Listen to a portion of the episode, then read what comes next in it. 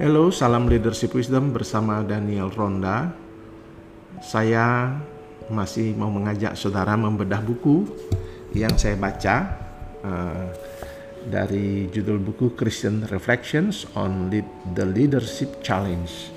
Dan itu adalah uh, sebuah respon Kristen yang dimotori oleh John Maxwell dan teman-teman untuk meresponi buku Causes and Posner yang meneliti tentang rahasia keberhasilan seorang pemimpin dan dia menyebut ada lima. Saudara bisa simak itu di bagian pertama dari seri bedah buku ini. Uh, dia menyebutkan ada lima uh, dari rahasia pemimpin yang berhasil setelah mengadakan survei dan melakukan pendalaman atas survei itu dari berbagai perusahaan dan organisasi di seluruh dunia. Dan buku itu sangat fenomenal dan menjadi uh, textbook sampai hari ini uh, oleh para pemimpin-pemimpin uh, dan seminar-seminar atau materi-materi kuliah kepemimpinan di mana pun baik di konteks organisasi Kristen maupun di organisasi-organisasi sekuler. Nah, jadi uh, kita akan membedahnya di seri pertama tentang bedah buku ini. Saya sudah berbicara rahasia yang pertama yang dibahas oleh Pauses and Kostner yang kemudian direfleksikan dalam buku ini apa yang bisa dikembangkan dalam konteks kepemimpinan Kristen oleh John Maxwell dan teman-teman. Yang pertama itu adalah model the way. Jadi uh, kalau saudara pemimpin, saudara harus uh, berarti kan saudara memimpin, berarti saudara di depan dalam perjalanan organisasi itu maka saudara diwajibkan untuk memberi model atau memberikan pola, contoh, keteladanan. Uh, bukan hanya soal keteladanan moral, keteladanan hidup, tetapi yang dimaksudlah keteladanan dalam hal kepemimpinan itu sendiri, dalam menjalankan organisasi itu sendiri. Jadi bukan soal uh, kalau saya bicara keteladanan, jangan sampai saudara salah paham, saudara menjadi orang yang uh, apa namanya orang yang rohani ya tentu itu penting. Tetapi keteladanan dalam hal ini adalah keteladanan dalam membangun etos kerja uh, dalam memimpin dan semuanya. Jadi saudara harus memodel menjadi model daripada perjalanan kepemimpinan itu. Itu yang pertama. Nanti simak di podcast yang pertama ya uh, bedah buku saya itu. Nah yang kedua yang menjadi rahasia kepemimpinan adalah dikatakan inspire a shared vision atau saya terjemahkan meng, uh, visi yang menginspirasi.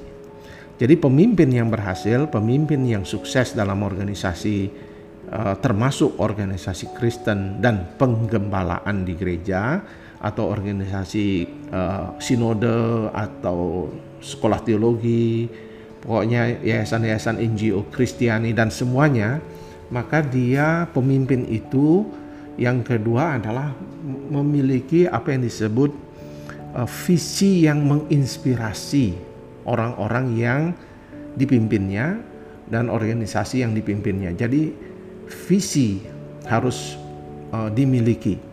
Nah, visi ini sudah banyak dibahas oleh para pemimpin dan kalau saudara uh, pernah duduk di STT dan atau pernah uh, menjadi uh, pelayan pasti saudara akan ada seminar kepemimpinan pasti uh, ber, uh, pokok yang dibahas itu pasti berbicara tentang visi dan saudara pasti sudah tahu itu uh, tentang visi.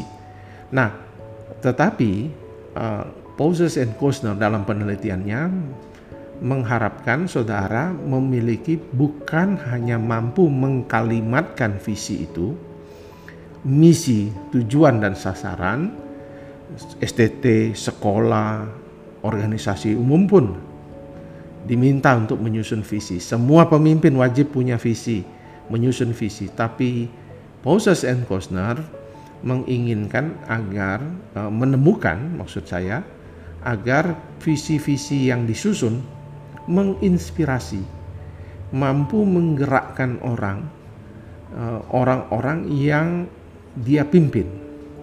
Nah, ini yang menjadi suatu PR besar bagi pemimpin untuk memeriksa kembali visinya, apakah visinya itu telah menjadi motor penggerak yang menginspirasi seluruh pelayanan dan organisasi yang dipimpinnya. Sebab tidak mungkin organisasi jalan tanpa visi. Tidak mungkin organisasi jalan tanpa misi Eh, kita tidak boleh menggerak bergerak tanpa tujuan, kita tidak boleh bergerak tanpa arah, kita tidak boleh bergerak hanya mengikuti irama perkembangan uh, sebuah organisasi dinamika sama seperti kita uh, rutin melakukan kegiatan makan, minum, istirahat, bekerja, bermain. Uh, itu jangan dilihat seperti itu, tetapi makan, minum, dan semua kegiatan-kegiatan yang sifatnya rutin itu harus dilihat dalam kerangka pencapaian visi. Dan inilah yang uh, harus dimiliki oleh pemimpin dan tentu sudah diketahui oleh pemimpin tentang pentingnya visi. Namun visi itu harus dicek kembali apakah sudah menginspirasi, apakah sudah menjadi penggerak, menjadi orang yang uh, menjadi sesuatu yang mampu membuat pencapaian yang yang lebih hebat lagi karena kita tidak sedang melaksanakan rutinitas seperti yang saya katakan uh, yang itu uh, yang dilakukan. Nah, oleh sebab itu di dalam kita melakukan uh, refleksi Kristen kepemimpinan Kristen atas hal ini, maka yang pertama diharapkan waktu kita membicarakan menyusun visi yang menginspirasi. Yang pertama diharapkan bahwa uh, waktu kita melihat masa depan, jadi waktu pemimpin itu menyusun, maka dia harus melihat semua kemungkinan-kemungkinan yang dilihatnya di masa depan akan terjadi. Jadi dia melihat harapan, dia melihat sesuatu yang uh, besar, yang indah, yang exciting ya yang suatu yang luar biasa dan melihat kemungkinan-kemungkinan arah yang akan kita capai di masa depan. Misalnya ketika saudara memimpin STT dulu saya memimpin STT tahun 2006 saya melihat misalnya uh, sudah membayangkan lima tahun ke depan ada program S1, S2, S3 bukan hanya S2 saja tapi S3 dan semua terakreditasi baik. Dan saya sudah melihat itu ke depan berapa possibilities atau kemungkinan-kemungkinan dan saya membagikan itu.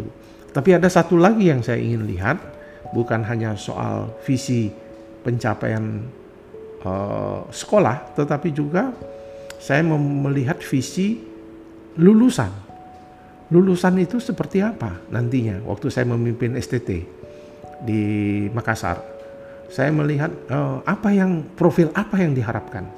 Maka saya membayangkan profil yang diharapkanlah profil dia menjadi seorang yang apa pun profesi dia nanti panggilan dia, entah dia menjadi guru agama, penginjil, gembala, atau seorang PNS atau seorang uh, yang bekerja di bidang uh, militer dan sebagainya, dia harus punya konsep tentang amanat agung pekabaran Injil yang kuat di dirinya, yang melekat di dirinya, sehingga apa pun yang menjadi panggilan dia, maka saya mengharapkan dia memiliki profil, memiliki komitmen untuk mengabarkan Injil, menggenapkan amanat agung Yesus Kristus.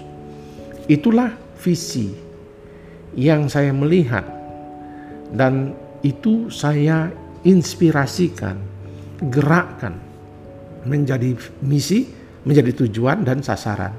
Sehingga kita bersyukur alumni-alumni itu kemudian muncul dalam perintisan menjadi misionari dan orang-orang yang pergi ke mana sangat dipakai oleh Tuhan karena mereka dengan visi yang terinspirasi mereka juga akhirnya menjadi orang-orang yang memiliki tujuan.